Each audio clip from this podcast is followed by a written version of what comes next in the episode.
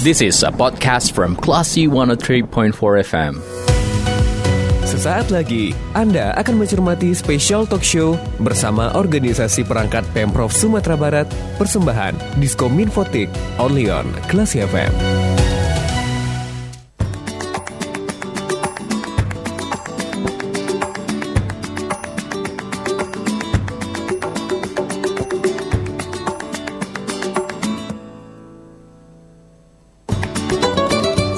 103,4 Kelas FM, this is the actual radio. Selamat pagi kelas people. Saatnya Anda mencermati spesial talk show persembahan Diskom Infotik Sumbar dan kali ini kita akan ngobrol bersama dengan Kepala Biro ADM Pimpinan Provinsi Sumatera Barat ada Bapak Maifrizon atau biasa akrabnya disapa Pak Eri. Kita sapa dulu. Assalamualaikum Pak Eri. Waalaikumsalam, Mbak. Oke. Okay. Oke sudah. Mbak. Kita sudah bersama Pak Eri. Nah, gimana kabarnya hari ini Pak Eri? Pagi-pagi sudah ke studio kelas FM? Uh, Alhamdulillah uh, sehat dan terima kasih uh, hari ini sudah bisa hadir di radio Klasi uh, FM. Alhamdulillah dan terima kasih juga Pak sudah meluangkan waktu ke studio kelas FM dan tentunya kita punya pembahasan yang membuat um, OPD perangkat daerah tuh jadi lebih dekat dengan masyarakat ya Pak ya? Ya, uh, setuju uh, karena memang uh, OPD OPD ini kan adalah bagian dari pelayan masyarakat. Jadi uh, kita berharap uh, apa sih sebetulnya yang menjadi tugas pokok dan fungsi dari OPD OPD itu.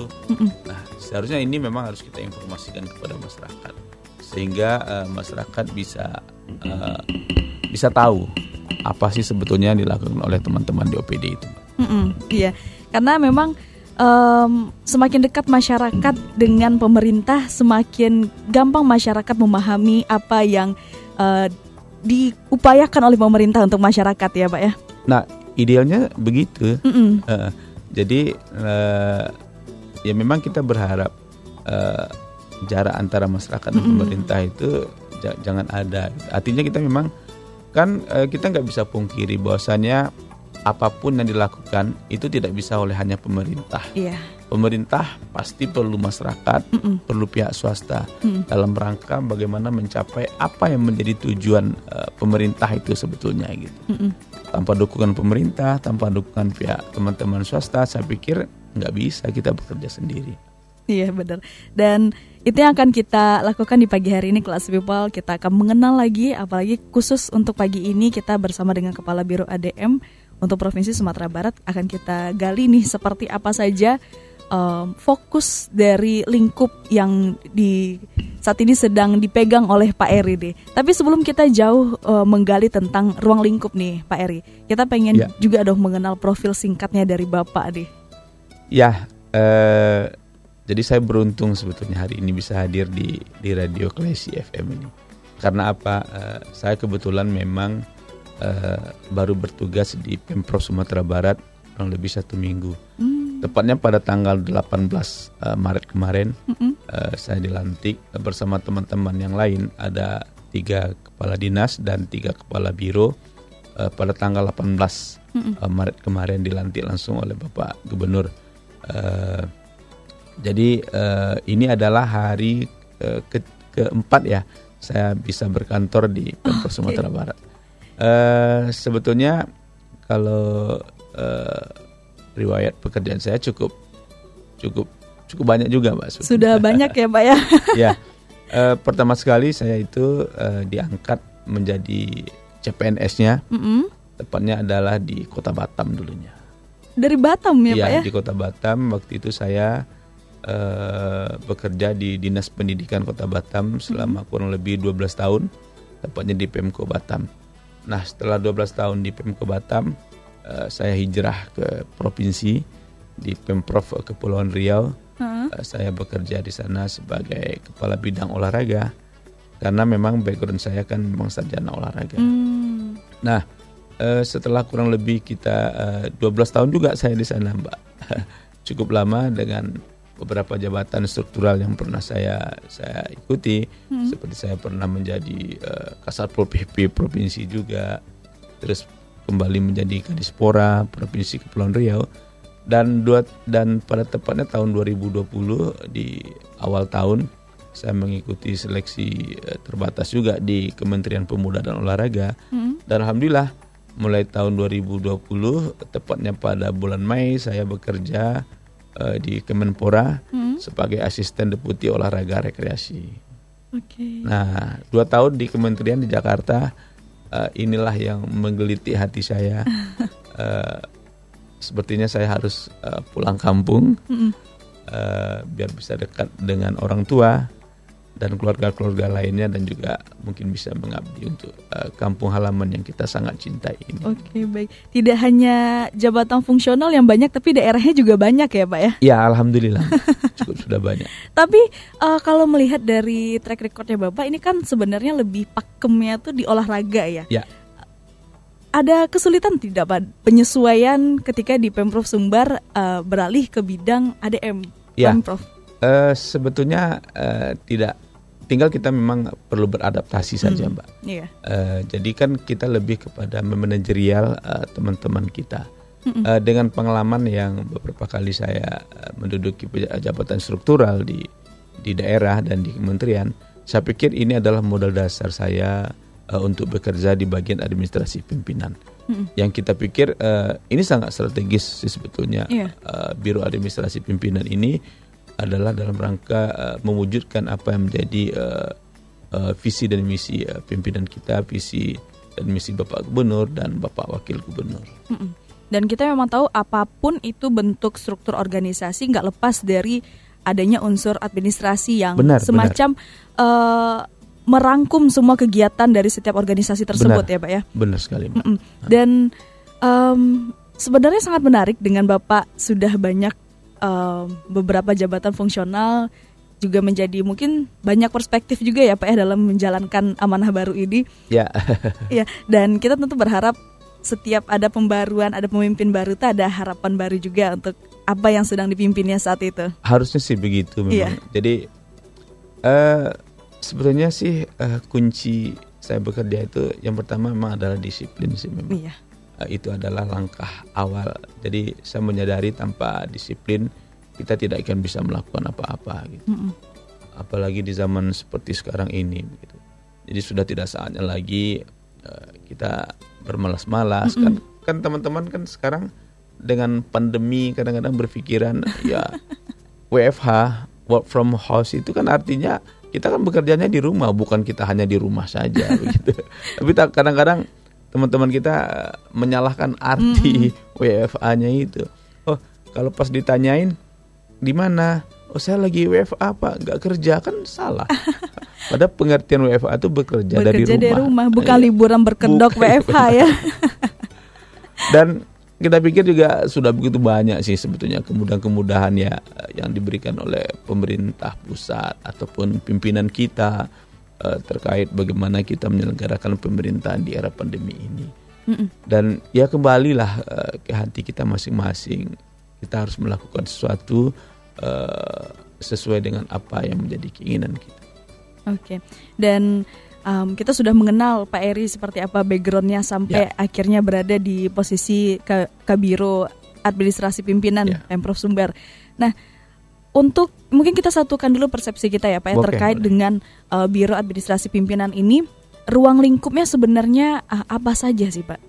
Nah, jadi eh, kalau boleh saya gambarkan, yang menjadi tugas pokok eh, Biro Administrasi Pimpinan itu adalah eh, membantu asisten administrasi umum Mm-mm. dalam menyiapkan pelaksanaan kebijakan. Mm, Oke. Itu dalam pelaksanaan eh, kebijakan, pelaksanaan pemantauan dan evaluasi di bidang perencanaan dan kepegawaian sekretariat. Mm-mm. Artinya eh, dari sembilan biro yang ada itu Mm-mm. untuk perencanaan dan kepegawaiannya itu ada di eh, di bawah eh, Biro Administrasi Pimpinan. Dan eh, materi dan komunikasi pimpinan serta protokol. Artinya eh, materi pimpinan adalah itu menjadi tugas eh, pokok eh, Biro Adpim juga dalam rangka bagaimana kita menyiapkan eh, informasi-informasi yang dibutuhkan oleh pimpinan terkait nanti pimpinan akan hadir di pada suatu acara Mm-mm. eh, kita memberikan informasi-informasi atau menyiapkan konsep-konsep yang memang apa yang akan beliau sampaikan nanti sehingga memang eh, ini lebih lebih memudahkan uh, misalnya masyarakat uh, bisa menerima informasi-informasi uh, yang disampaikan uh, dan kalau boleh itu memang secara lebih uh, gampang gitu. Artinya kan kita nggak nggak ingin uh, uh, apa yang disampaikan oleh pimpinan kita itu uh, masyarakat sulit untuk untuk mm -hmm. mencerna atau mengertinya, Mbak. Tetapi dengan bahasa-bahasa yang simple, bahasa-bahasa yang mudah, mudah-mudahan masyarakat akan lebih cepat bisa untuk uh, memahami apa yang menjadi tujuan.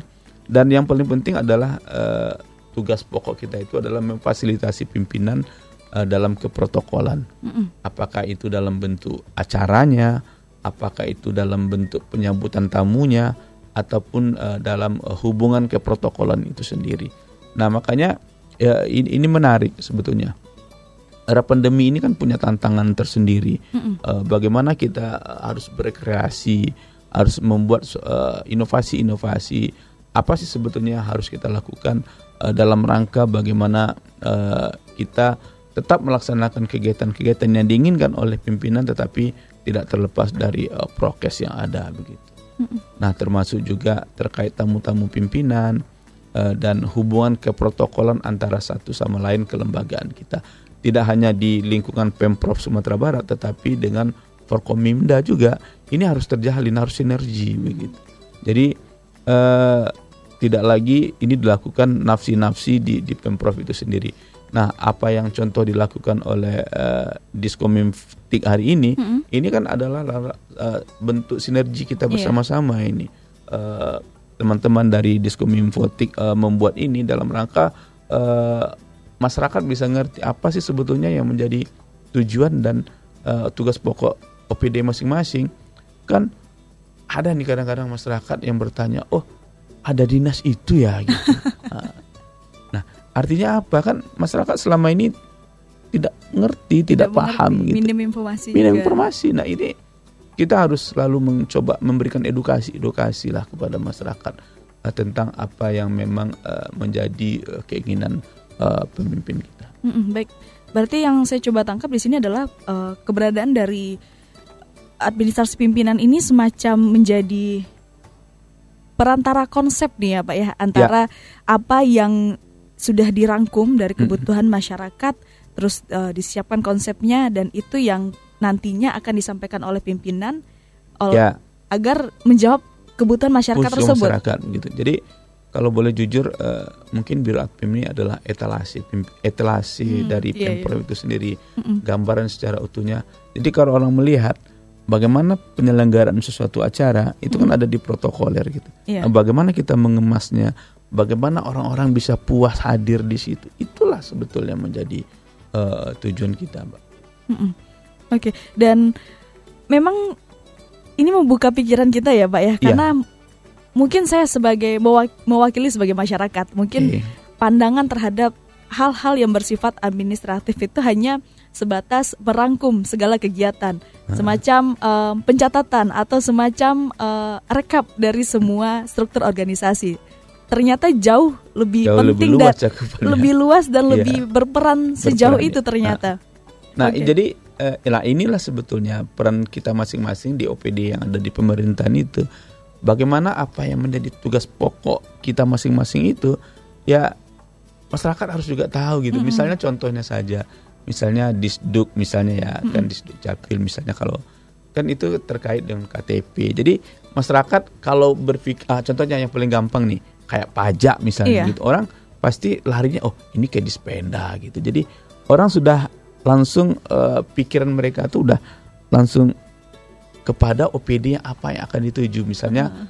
kalau urusan mau event olahraga langsung ke dispora nih uh.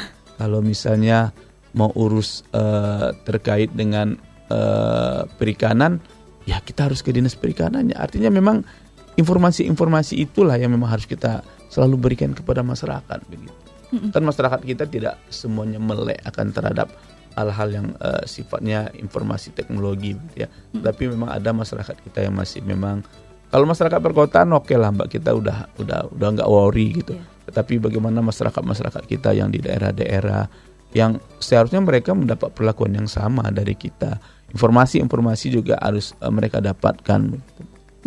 Dan di pagi hari ini tentu kita akan membagi semua informasi tersebut. Ya. Dalam konteks kali ini kita membahas tentang peranan dari Biro Administrasi Pimpinan Pemprov Sumbar. Tapi kalau si people kita akan jeda sebentar, kita akan kembali lagi sesaat lagi masih banyak yang akan kita bahas di pagi hari ini. So jangan ke mana-mana, keep in tune di 103.4 Kelas FM. This is a podcast from Classy 103.4 FM. Special Talk Show, persembahan Diskominfotik Sumatera Barat.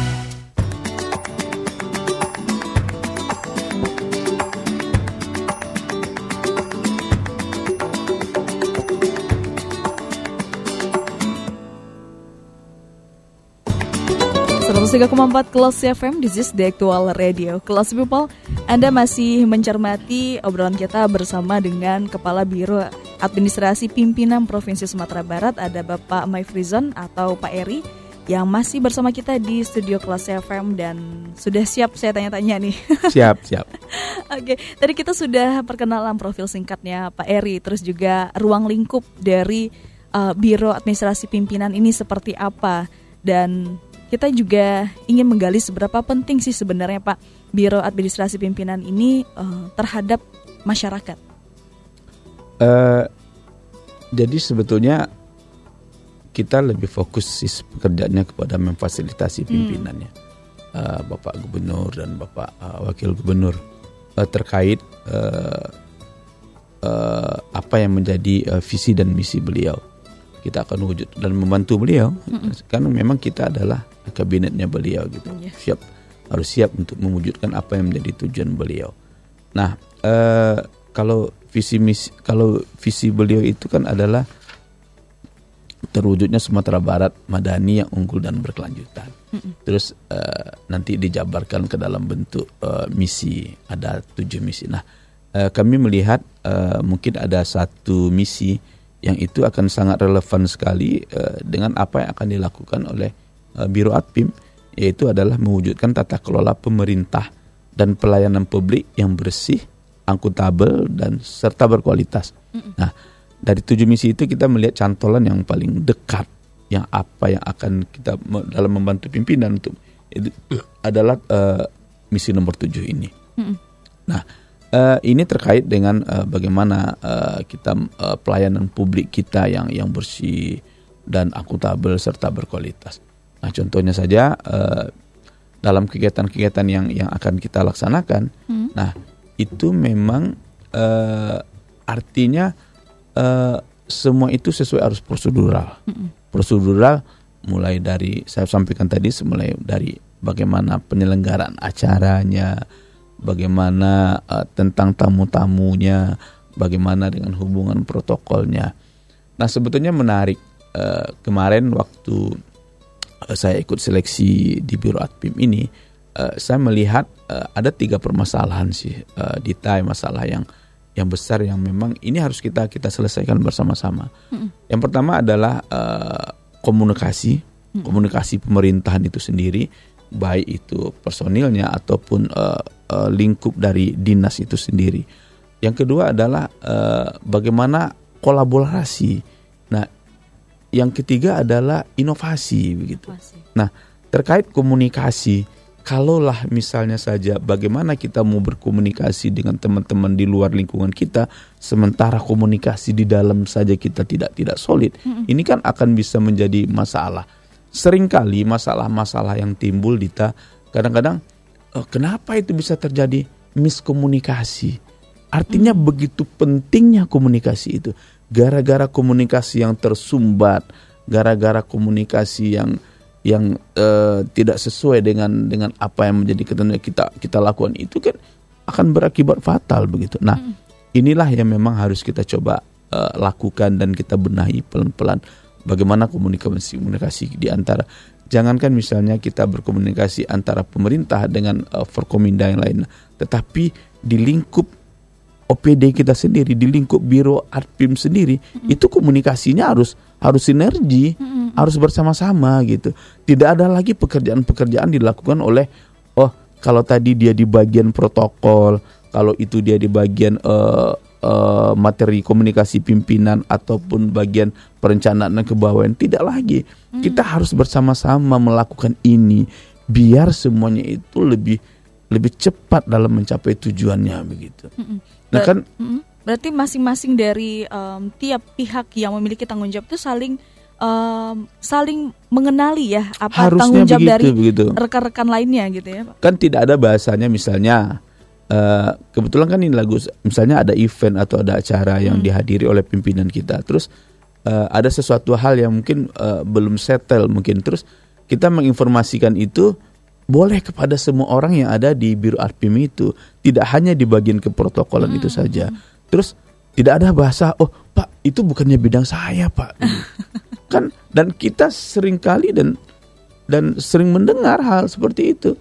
Dikala saat pimpinan meminta meminta seseorang staf melakukan sesuatu terus jawabannya pak itu bukan bagian saya pak. Nah bahasa-bahasa seperti ini harus kita luruskan. Nah karena kan tujuan kita sama menggolkan gitu. Apa yang menjadi tujuan pimpinan kita begitu? Bukan diri kita pribadi bukan menjadi bagian kita. Bagaimana kita bisa mau besar misalnya mbak Dita? Kalau seandainya di dalam saja kita sudah tidak bisa bersinergi bersama-sama begitu. Kadang-kadang bahasa-bahasa kita senang melihat teman-teman kita susah itu. itu kan bahasa-bahasa yang memang harus sudah kita singkirkan gitu. Benar. Nah, gitu. Nah, itu terkait komunikasi. Nah, terkait kolaborasi juga begitu. Bagaimana kita mencoba mengkolaborasikan sesuatu itu eh, kegiatan-kegiatan kita itu akan bisa lebih besar. Kalau misalnya contohnya nih hari ini kan eh, Diskominfotik ini dengan Biro Adpim itu sebetulnya tidak terlalu jauh beda apa yang menjadi tugas pokok dan masih sama gitu. Eh, terkait ada publikasi juga. Nah, Iya. kalau itu kita lakukan bersama-sama dan saya eh, optimis nih dengan Pak Pak Kadis Kominfotik kita bisa bersinergi bersama-sama. Kemarin kita sudah bicara tentang banyak hal bagaimana ke depan kita harus bersinergi bersama-sama tidak lagi eh, mengatakan oh itu pekerjaannya Arpim, oh itu pekerjaannya dis, dis eh, eh, Diskominfo tidak. Nah, kita kita sepakatilah bersama-sama oh itu pekerjaannya biro umum itu Arpim tidak. Jadi kita kita coba nih jalin komunikasi, kita bersinergi bersama-sama. Saya rasa akan indah sesuatu itu kalau kita bisa melakukan bagaimana kita bersinergi bersama-sama untuk mencap untuk mempercepat apa menjadi tujuan pimpinan kita Dita. Jadi sebenarnya em, bukan sebatas kita menyelesaikan kerjaan kita masing-masing, Bukan, tapi bukan. Kita punya pemahaman yang sama, Sama. visi dari pemprov itu apa. Jadi bergeraknya itu sesuai apa yang ingin dicapai, bukan berdasarkan apa yang yang ditugaskan saja begitu ya, Pak. ya? Makanya OPD itu kan tidak boleh punya visi.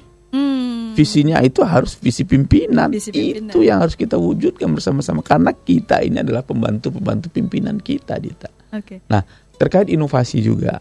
Inovasi saya pikir eh, semua semua pegawai harus melek lah. Apalagi ini udah zaman digital, Iya. zaman milenial. Or kita teman kan di kan banyak nih di, di Hmm. pegawai-pegawai kita milenial yang memang punya potensi-potensi yang sangat luar biasa.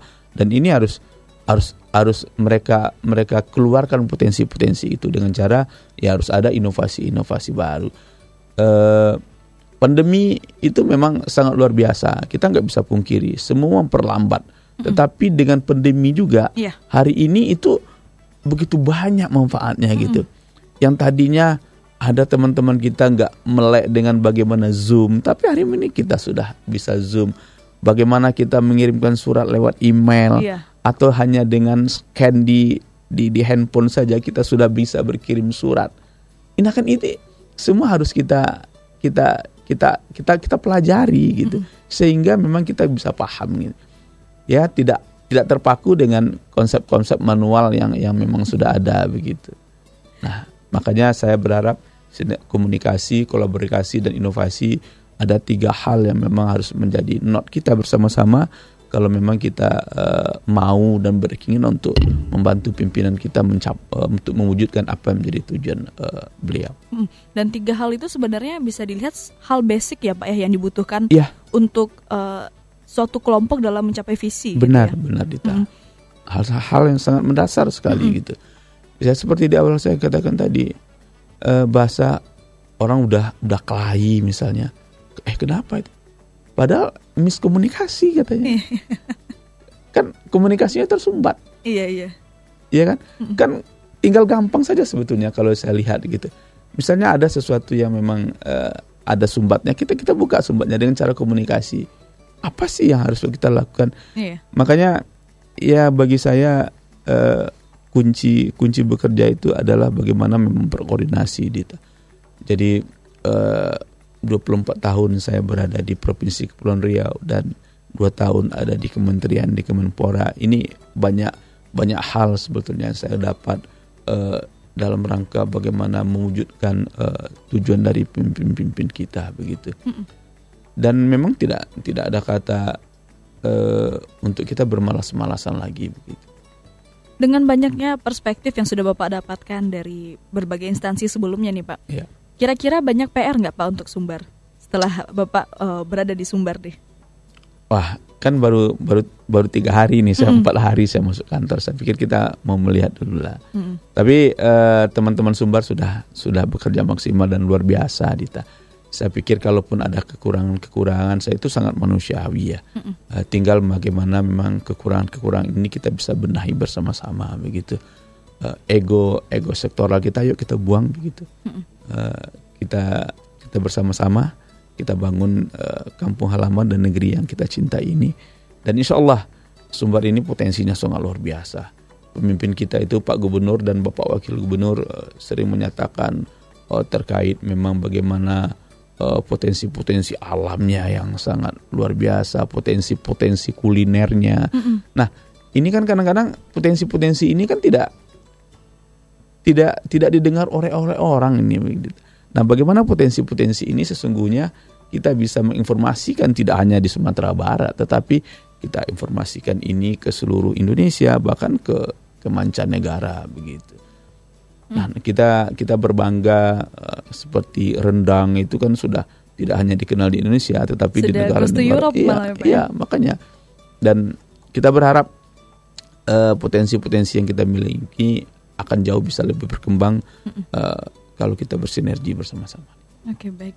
Dan tadi sebelumnya Bapak sudah sempat singgung juga terkait dengan yang mungkin bisa menjadi semacam apa ya um, program kerja kali ya. Ya. Misi yang ketujuh tadi terkait Ya. dengan uh, pelayanan publik yang yang bersih, Ya. terus juga uh, berfokus pada pelayanan publik. Nah, saya mau mencari apa ya semacam mengetahui batasannya dulu nih Pak. Pelayanan publik yang dimaksud ini um, apa saja batasannya yang dipegang oleh uh, Biro Administrasi Pimpinan ini? Apakah memastikan setiap prosedural dari um, kegiatan Pemprov atau apa saja Pak? Nah sebetulnya kita lebih kepada eh, kegiatan-kegiatan oleh lakukan oleh pimpinan gitu. Mm-mm. Nah sehingga memang eh, seperti di awal tadi saya sudah sampaikan bahwasanya terinformasikan, Hmm. terinformasikan kepada seluruh masyarakat dan itu sangat harus gampang dicerna dan dimengerti oleh masyarakat itu. Nah kadang-kadang untuk poin-poin eh, bagaimana misalnya hari ini contohnya ya dengan kelangkaannya eh, minyak goreng, Goreng. dengan kelangkaannya solar gitu kan. Kan kalau ini disampaikan oleh pemimpin kita misalnya eh, eh, tidak sesuai kan kan akan baik tetapi dengan bahasa yang gamblang itu pemimpin akan bisa menjelaskan kenapa ini, kenapa ini, kenapa ini begitu. Nah, sehingga eh, pelayanan-pelayanan yang kita berikan kepada masyarakat itu betul-betul eh, masyarakat merasa puas begitu. Dan saya yakin dan percaya insya Allah Bapak Gubernur, Bapak Wakil Gubernur dan Pak Sekda serta teman-teman OPD-nya sudah berusaha nih semaksimal mungkin bagaimana selalu memberikan pelayanan publik yang baik kepada masyarakat yang sesuai diinginkan eh, masyarakat. Terlepas dari memang masih ada yang hal-hal yang belum tepat, saya pikir inilah memang menjadi PR kita bersama-sama. Yuk kita perbaiki ini sehingga eh, masyarakat ke depannya akan lebih eh, merasa ya eh, eh, merasa bahwasanya pelayanan-pelayanan yang kita berikan itu sudah eh, maksimal. Oke. Nah, kalau setiap uh, struktural gitu ya, Pak ya. Ya. Pasti punya program kerja tahunan. Nah, Ya. untuk um, Biro Administrasi Pimpinan Pemprov gitu ya, Pak. Mm. Untuk tahun 2022 ini program kerjanya lebih berfokus pada apa saja, Pak? Nah, eh, kalau program kerja kita tidak terlepas dari eh, tugas pokok dan fungsi kita tadi, Mm-mm. karena kan kita ada eh, tiga bagian. Yang pertama sekali adalah bagian perencanaan dan kepegawaian sekretariat daerah Mm-mm. yang itu nanti adalah uh, uh, bagaimana kita membantu teman-teman uh, kepegawaian dalam rangka misalnya untuk kenaikan pangkatnya. Hmm. Ku- Tapi ini khusus untuk di biro ya, Mm-mm. di sekretariatnya Iya. dari sembilan biro itu. Uh, bagaimana untuk uh, menghimpun perencanaan-perencanaan yang ada di setiap kebiroan itu kita satukan itu menjadi suatu uh, perencanaan uh, sekretariat daerah begitu. Itu terkait dengan uh, uh, perencanaan dan kepegawaian uh, bagian. Dan bagian berikutnya adalah uh, materi pimpinan seperti saya tadi. Mm-mm. Nah itu kan ada bagaimana kita uh, membuat konsep-konsep yang yang akan kita uh, berikan kepada pimpinan gitu. Nah tidak uh, informasi-informasi sepertinya contohnya uh, mungkin ada uh, seperti sekarang nih kan mau Ramadan, Ramadan. Artinya kita juga harus uh, membuat sesuatu yang yang harus disampaikan oleh pimpinan kita seperti misalnya kita buat uh, ucapan uh, selamat Ramadan begitu oleh pimpinan kita gitu. Terus uh, kita berikan informasi tidak hanya media uh, di media-media cetak dan tapi di media elektronik juga harus kita berikan informasi-informasi ini sehingga memang masyarakat oh pemimpin kita hadir nih selalu di tengah-tengah masyarakat begitu. Oke, misalnya contohnya seperti em, informasi yang akan disampaikan oleh pemerintah oleh pemimpin berupa em, semacam apa ya himbauan untuk tidak khawatir terhadap eh, pasokan kebutuhan ya. eh, pokok Ya. atau kestabilan produk kebutuhan pokok di pasaran. Nah ini juga eh, tugas dari ini Nah, eh, sebetulnya Biro ADM tinggal Pemprov. kita berkoordinasi dengan OPD terkait Hmm. saja. Misalnya kalau untuk eh, kekhawatiran terhadap eh, minyak goreng tadi mungkin eh, kita akan coba nih eh, minta bahan-bahan atau informasi Hmm. dari eh, dinas terkait ESDM gitu atau eh, perdagangan di Sprindak kali ya mungkin.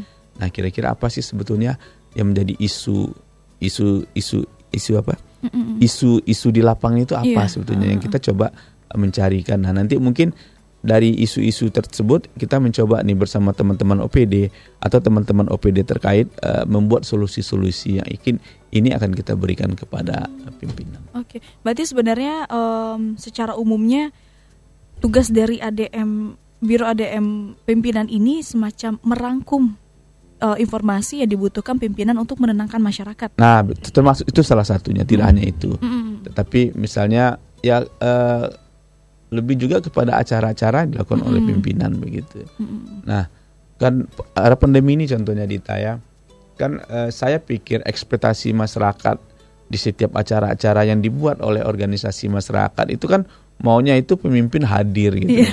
iya kan? Iya. Nah, tetapi karena pandemi kan tidak bisa kita lakukan ini secara ramai-ramai, tetapi harus lakukan dengan eh, prokes yang memang ketat misalnya. Nah, ini harus kita edukasikan kepada masyarakat biar masyarakat tidak salah mengerti nanti. Wah, pemimpinnya nggak mau hadir gini-gini. Padahal bukan beliau tidak mau hadir, tetapi karena ada sesuatu hal yang memang harus kita kita wanti-wanti kalau ini kita lakukan ini akibatnya begitu. Nah, eh, hal-hal seperti inilah informasi-informasi seperti inilah memang harus selalu kita berikan kepada eh, kepada masyarakat. Pandemi sekali lagi eh, jujur eh, ini memang membuat eh, tidak hanya pemerintah daerah tetapi pemerintah pusat juga eh, mencari terobosan-terobosan lain eh, bagaimana tetap apa-apa yang kita eh, lakukan itu bisa bisa bermanfaat untuk masyarakat. Contohnya kalau untuk berolahraga eh, mungkin olahraga-olahraga yang dilakukan secara rame-rame atau di ruang tertutup itu kita kurangi tetapi mungkin akan lebih baik kita berolahraganya sendiri tetapi di ruangan terbuka. Itu hal seperti itulah. Jadi itu kan tidak harus disampaikan oleh pimpinan langsung tetapi eh, dinas terkait bisa memberikan informasi ini. Nah, dalam rangka itu tadi kita membantu pimpinan. Oke baik. Em, berarti memang apa ya orang belakang layarnya dari iya, gimana ya?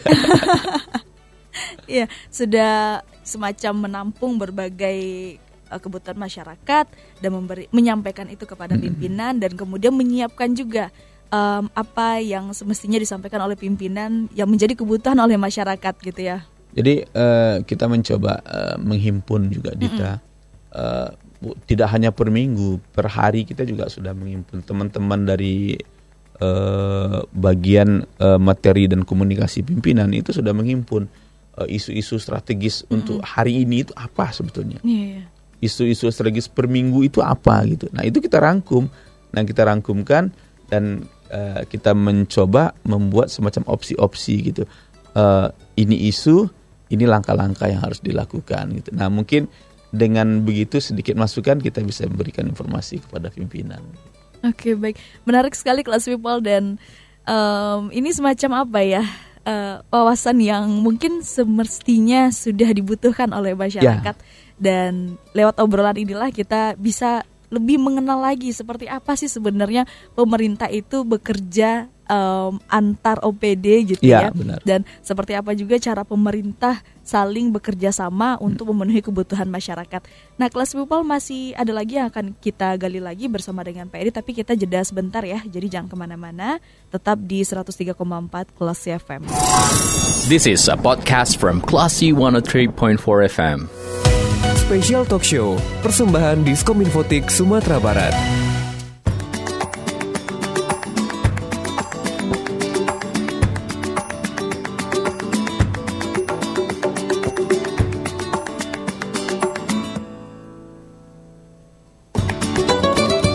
empat kelas FM, this is the actual radio. Kelas people nggak terasa kita udah di sesi terakhir nih dalam obrolan kita bersama dengan Kepala Biro Administrasi Pimpinan Provinsi Sumatera Barat ada Bapak Maifrizon atau akrab disapa dengan Pak Eri. Tadi sudah sangat dijelaskan oleh Pak Eri seperti apa lingkup dari Biro Administrasi Pimpinan ini serta juga seberapa pentingnya kehadiran biro ini di masyarakat dan juga OPD-OPD terkait yang bekerja sama pastinya yang bersinergi dengan eh, pemerintah gitu ya dan juga pimpinan dan serta em, seperti apa saja mekanismenya bentuk strategisnya yang dilakukan oleh Pemprov dalam eh, menjalankan kepemimpinannya. Nah, yang ingin saya juga gali nih Pak Eri ya. Jadi eh, bagaimana biro dari administrasi pimpinan ini merangkum semua yang menjadi kebutuhan oleh pimpinan, Pak? Ya, eh, jadi kita mau lihat eh, kira-kira eh, pimpinan itu mau melakukan apa misalnya begitu. Eh, seperti di awal tadi saya sudah sampaikan, bahwasanya misalnya pimpin mau hadir di suatu acara atau event olahraga misalnya. Nah, eh, nanti kan eh, pemimpin kan perlu perlu perlu tahu eh, pemimpin itu mau hadir di acara olahraga seperti apa gitu. Nah, eh, kita akan coba koordinasikan dengan OPD terkait. Eh, kita minta informasi-informasinya dan setelah kita himpun dan itu nanti akan kita sampaikan kepada pimpinan. Nah, mungkin kita akan mencoba eh, semacam pointer-pointer besarnya lah eh, kepada pimpinan. Oh, ini Pak acaranya seperti ini, seperti ini, seperti ini begitu. Nah, sehingga pemimpin akan lebih gampang eh, memberikan arahan atau petunjuk-petunjuk di saat acara-acara yang eh, pimpinan lakukan atau yang di saat-saat acara yang dilakukan oleh Bapak eh, Gubernur dan Bapak Wakil Gubernur. Oke, baik. Berarti peranan dari Biro Administrasi Pimpinan ini sangat eh, berpengaruh terhadap menselaraskan antara arahan dari Ya, pimpinan benar. terhadap dengan eh, instansi yang nantinya akan menjalankan tugas-tugas dari arahan pimpinan Betul. tersebut ya, Pak ya? Ya, eh, kalau dulunya mungkin eh, kalau Biro Adpim ini kan di seluruh Indonesia itu biro baru.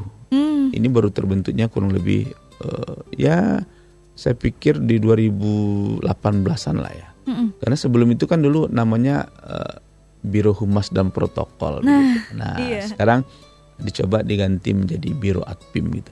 Hampir tidak terlalu jauh berbeda sih. Eh, mungkin ada beberapa hal saja eh, terkait di bidang perencanaan dan kepegawaian itu yang mungkin selama ini tidak ada di Humas eh, itu makanya sekarang ada di Biro Adpim untuk sekretariat itu sendiri. Oke, berarti untuk saat ini bertambah ya, Pak ya, job desk-nya? Ya. Tidak lebih- hanya komunikasi, tapi juga memastikan prosedural dari setiap instansi itu berjalan dengan baik. Ya, ya betul.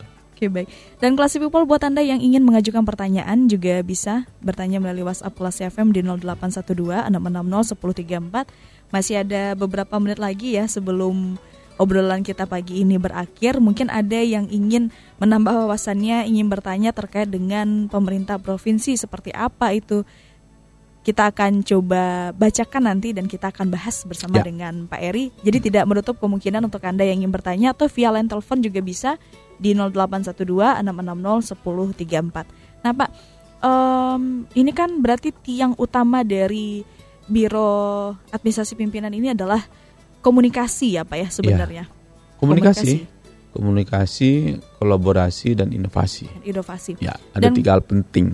Mm -mm. Dan kalau ngomongin soal inovasi juga nih Pak, ya. di tahun 2022 inovasi apa yang ingin diangkat atau sudah mulai direalisasikan oleh Biro Administrasi Pimpinan ini?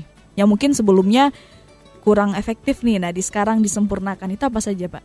Ya, uh, sebetulnya uh, nanti kita akan mencoba nih inovasi-inovasi uh, yang memang uh, itu yang akan kita lakukan itu uh, tepat dalam sasarannya begitu. Mm -mm. Uh, contohnya uh, misalnya konsep-konsep untuk misalnya untuk di bidang uh, perencanaan dan kepegawaian nih yang tadinya teman-teman baru uh, untuk mengusulkan kenaikan pangkatnya di ekstariat itu secara manual, mm -hmm. tetapi uh, kita akan coba himpun dalam suatu wadah uh, sehingga uh, kita tidak lagi melakukan ini secara manual gitu. Hanya dengan uh, kita sudah tahu langsung misalnya kayak si A untuk kenaikan pangkat itu sudah otomatis gitu. Nah, hmm. dengan data-data yang kita sudah dapat dari mereka. Okay. Itu salah satu hal kecil. Tapi itu di bagian sekretariat. Hmm. Karena di bagian besarnya memang ada uh, badan sendiri yang menangani itu adalah uh, eh, BKD, Badan Kepegawaian hmm. Daerah. Uh, begitu Itu contoh-contoh kecil. Nah, mungkin uh, nanti uh, tidak tertutup juga untuk bagaimana contoh-contoh sambutan itu sudah konektivitas antara ada koneknya mm-hmm. antara OPD satu dengan OPD yang lain ke ke kita begitu. Jadi tidak perlu diantarkan lagi misalnya, mm-hmm. tetapi ya by WhatsApp, by by email misalnya terus kita edit nanti itu sudah sampai kepada ajudannya pimpinan. Itu salah satu contoh untuk kecil-kecil inovasi. Nah, um, dengan satu minggu saya baru bergabung, uh, kita lagi coba berdiskusi dengan teman-teman ini kita mencoba uh, uh, melihat uh, kan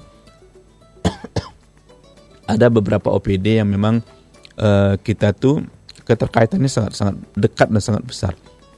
Yang pertama adalah dengan uh, Diskomimfotik, terus dengan Biro Umum dan juga dengan Biro Penghubung. Itu pekerjaan kita itu uh, saling uh, bersandingan gitu dan tidak dipisahkan satu sama lain gitu. Nah, kita akan melihat. Jadi nanti kita tidak ingin lagi ada hal yang tumpang tindih hmm. antara pekerjaan si A dengan pekerjaan si B. Oke, berarti memang um, kalau saya coba simpulkan ya Pak ya, yang menjadi inovasi dalam tahun ini adalah upaya untuk menyempurnakan tiga komponen tadi ya, komunikasi, komponen, kolaborasi, komunikasi dan inovasi. Ya, benar. Mm -mm, benar okay, kita. Okay. Kita akan coba lakukan itu. Mm -mm. Dan uh, melihat dari apa yang direncanakan ya Pak yang dari Bapak sampaikan tadi, berarti perkembangan teknologi ini sangat berpengaruh ya Pak terhadap ya, inovasi yang sedang dicanangkan. Luar biasa. Makanya kita semua harus melek dengan uh, teknologi. Kalau enggak kita ketinggalan. Artinya handphone eh lap, laptop atau komputer yang kita punyai saja itu kan perlu uh, di-upgrade gitu. Iya. Apalagi kemampuan-kemampuan kita gitu. Jadi itu untuk tidak saatnya lagi kita hanya pasrah dengan konsep-konsep manual gitu. Tapi hari ini kita butuh apa misalnya? Gampang saja informasi-informasi digital yang lebih cepat terkait dengan misalnya inovasi-inovasi harus tinggal kita klik di Google saja itu udah bermunculan. Nah, tinggal nanti informasi-informasi apa yang memang relevan, apa yang yang memang itu sesuai dengan uh, dengan uh, uh, apa uh, biro kita begitu. Nah, jadi jangan menunggu gitu. Mm -mm. Artinya harus jemput bola kita untuk melakukan sesuatu. Nah, menurut pandangan Bapak sudah maksimal belum uh, pemahaman teknologi di di apa di lingkungan Pemprov Sumbar Pak saat ini? Hmm, satu minggu saya belum bisa mm. melihat dari itu. Tapi saya pikir teman-teman Pemprov Sumbar sudah melakukan hal yang sangat luar biasa di kita patut acungan jempol karena dari beberapa hal yang disampaikan oleh Pak Gubernur dan Pak Wakil Gubernur mm itu uh, penghargaan-penghargaan yang yang didapatkan oleh Pemprov Sumbar uh, terkait dengan banyak hal. Saya pikir ini pekerjaan yang sangat sudah luar biasa dilakukan oleh teman-teman uh, di beberapa OPD. Dan um, ini sebagai pandangan saya mewakili masyarakat ya Pak ya, ya kalau kita melihat dari pimpinan saat ini sangat mengejar perkembangan teknologi ya dari program-program kerja yang ditawarkan ya oleh pimpinan saat ini ya Pak ya. benar Dita. dan uh, sangat uh, selain teknologi juga sangat mengejar untuk merangkul para pemuda juga sepertinya Iya. saya lihat banyak programnya. Ya, milenial memang Mm-mm. tidak boleh kita tinggalkan karena kan eh, inilah eh, zaman yang memang teknologinya harus harus semua harus melek lah begitu. Eh, teman-teman milenial punya konsep-konsep, punya pemikiran-pemikiran yang memang harus eh, kita kita lihat, kita lihat dan kita akan coba melihat eh, konsep-konsep mereka mana sih yang bisa kita coba eh, pakai begitu. Karena kan eh, kita eh, sebagai eh, bangsa yang besar, artinya eh, provinsi yang memang eh, syarat bersandi ada, ada bersandi kita bulah, ini memang eh, tidak bisa juga eh, kita lepaskan begitu saja. Ada hal-hal yang secara norma itu memang eh, tidak boleh kita kita lepaskan ke Iya. tengah masyarakat. Kita kita harus menjadi ya kita not lah mungkin eh, hal-hal seperti ini. Oke baik Pak. Dengan obrolan kita di pagi hari ini ya Pak ya kita sudah Ya. memperkenalkan kepada masyarakat seperti apa em, posisi dan juga peranan dari Biro Administrasi Pimpinan Pemprov Sumbar. Dan mungkin ini juga menjadi closing statement juga untuk kita Pak di pagi hari ini. Apa pesan yang ingin Bapak tekankan kepada pendengar ataupun masyarakat yang sedang mencermati kita kali ini terkait dengan uh, upaya kita dalam mengenalkan em, Biro Administrasi Pimpinan ini Pak? Ya, eh, jadi kami pikir masyarakat nggak nggak perlu ragu-ragu Dita untuk eh, berkomunikasi dengan dengan pemerintahan atau dengan eh, OPD-OPD yang ada. Jadi eh, masyarakat kalau ingin mendapatkan informasi-informasi silakan. Eh, kebetulan kan di pemprov juga sudah ada websitenya dan bisa dilihat itu eh, OPD ini sebetulnya apa sih yang menjadi eh, bagian dari tugas pokok dan fungsinya gitu bisa bisa dilihat gitu. Eh, sudah saatnya memang eh, masyarakat, pemerintah dan swasta eh, tiga elemen besar yang ini harus secara berkolaborasi bersama-sama dalam rangka eh, mewujudkan masyarakat yang yang adil, eh, yang sejahtera begitu. Hmm, yang madani juga gitu ya Pak? Iya, sesuai dengan apa menjadi visi eh, gubernur dan bapak wakil gubernur. Dan kita berharap dengan semakin mengenalnya masyarakat dengan perangkat dari Ya. Pemprov terus juga mengenali apa tugas dan fungsi yang dijalankan mereka membuat masyarakat menjadi lebih bijak ya Pak dalam Ya. mengawasi Mm-mm. jalannya pemerintahan karena tugas utama dari masyarakat adalah memantau dan mengawasi pemerintahan ya, Iya, Pak. dan kita juga berharap teman-teman OPD eh, jangan tertutup kepada masyarakat. Ah, Artinya iya. tertutupnya begini, kalau misalnya masyarakat eh, ingin tahu misalnya tugas pokok dan fungsinya silakan aja disampaikan gitu. Kalau masyarakat bertamu ya kita terima begitu. Dan saya pikir eh, teman-teman OPD sudah melakukan hal yang sangat luar biasa. Cuma memang kalaupun eh, itu masih belum sesuai dengan apa yang menjadi keinginan masyarakat ya itulah kita. Kita memang dalam proses eh, ke arah sana. Karena kesempurnaan itu bukan hanya bukan milik kita gitu. Tapi eh, dari kesalahan-kesalahan yang ada dari kelemahan-kelemahan yang ada kita akan coba terus nih memperbaiki memperbaiki memperbaiki. karena memang eh, pemimpin kita gubernur dan bapak gubernur bapak sekda selalu memberikan informasi-informasi arah apa eh, apa-apa sih sebetulnya menjadi keinginan dari pemimpin kita begitu Pak. Dan em, pagi ini kita juga semacam memberi gambaran kepada masyarakat kalau siapa saja pun bisa eh, menyampaikan aspirasinya Bisa tanpa takut ada batasan tanpa antara kebebasan. masyarakat dan pemerintah gitu ya Pak. Ya, karena kan ya pemerintah perlu juga diberi masukan, harus itu. Kalau enggak nanti pemerintah menganggap udah udah udah udah bagus sendiri. Udah kan. cocok aja Udah gitu. cocok Ternyata aja, masyarakatnya- Padahal mungkin ada hal-hal yang yang memang Iya. nah Harus silakan. Nah, tapi mungkin dengan etika etika dan aturan yang memang harus kita ikuti. Kita tidak main perlu main seruduk, main ada ada ada ada ada ada bentuk eh, bentuk-bentuknya begitu silakan datang bersilaturahmi tanyain sesuatu hal misalnya eh, untuk mendapatkan bantuan ini bagaimana sih sebetulnya Pak? Bilang kan enak begitu. Nah terus OPD akan menjelaskannya begitu. Misalnya eh, untuk misalnya untuk mendapatkan bantuan alat tangkap ikan misalnya. Bisa nggak Pak kita mendapatkan ini Pak? Kan kalau memang itu ada di OPD dan itu bisa saya yakin dan percaya OPD itu akan memberikan informasi itu kepada masyarakat. Dita. OPD tidak akan pernah menutup-nutupin. Misalnya ada bantuan ini bantuan ini. Oh enggak barang itu ada dibilang nggak ada saya pikir OPD tidak akan berani Tapi bagaimana caranya masyarakat bisa um, mengakses untuk mendapatkan kesempatan berkomunikasi seperti itu, Pak? Nah itu dia. Nah kita kan punya website. Mm-mm. Nah, dari website kita nanti bisa dilihat. Bisa bertanya juga bisa di sana. bertanya juga di situ. Nah, jadi ya tapi alangkah lebih bijaknya mungkin kita eh, bisa berkoordinasi dengan teman-teman di OPD yang terkait di eh, di mana informasi akan kita dapatkan Dita.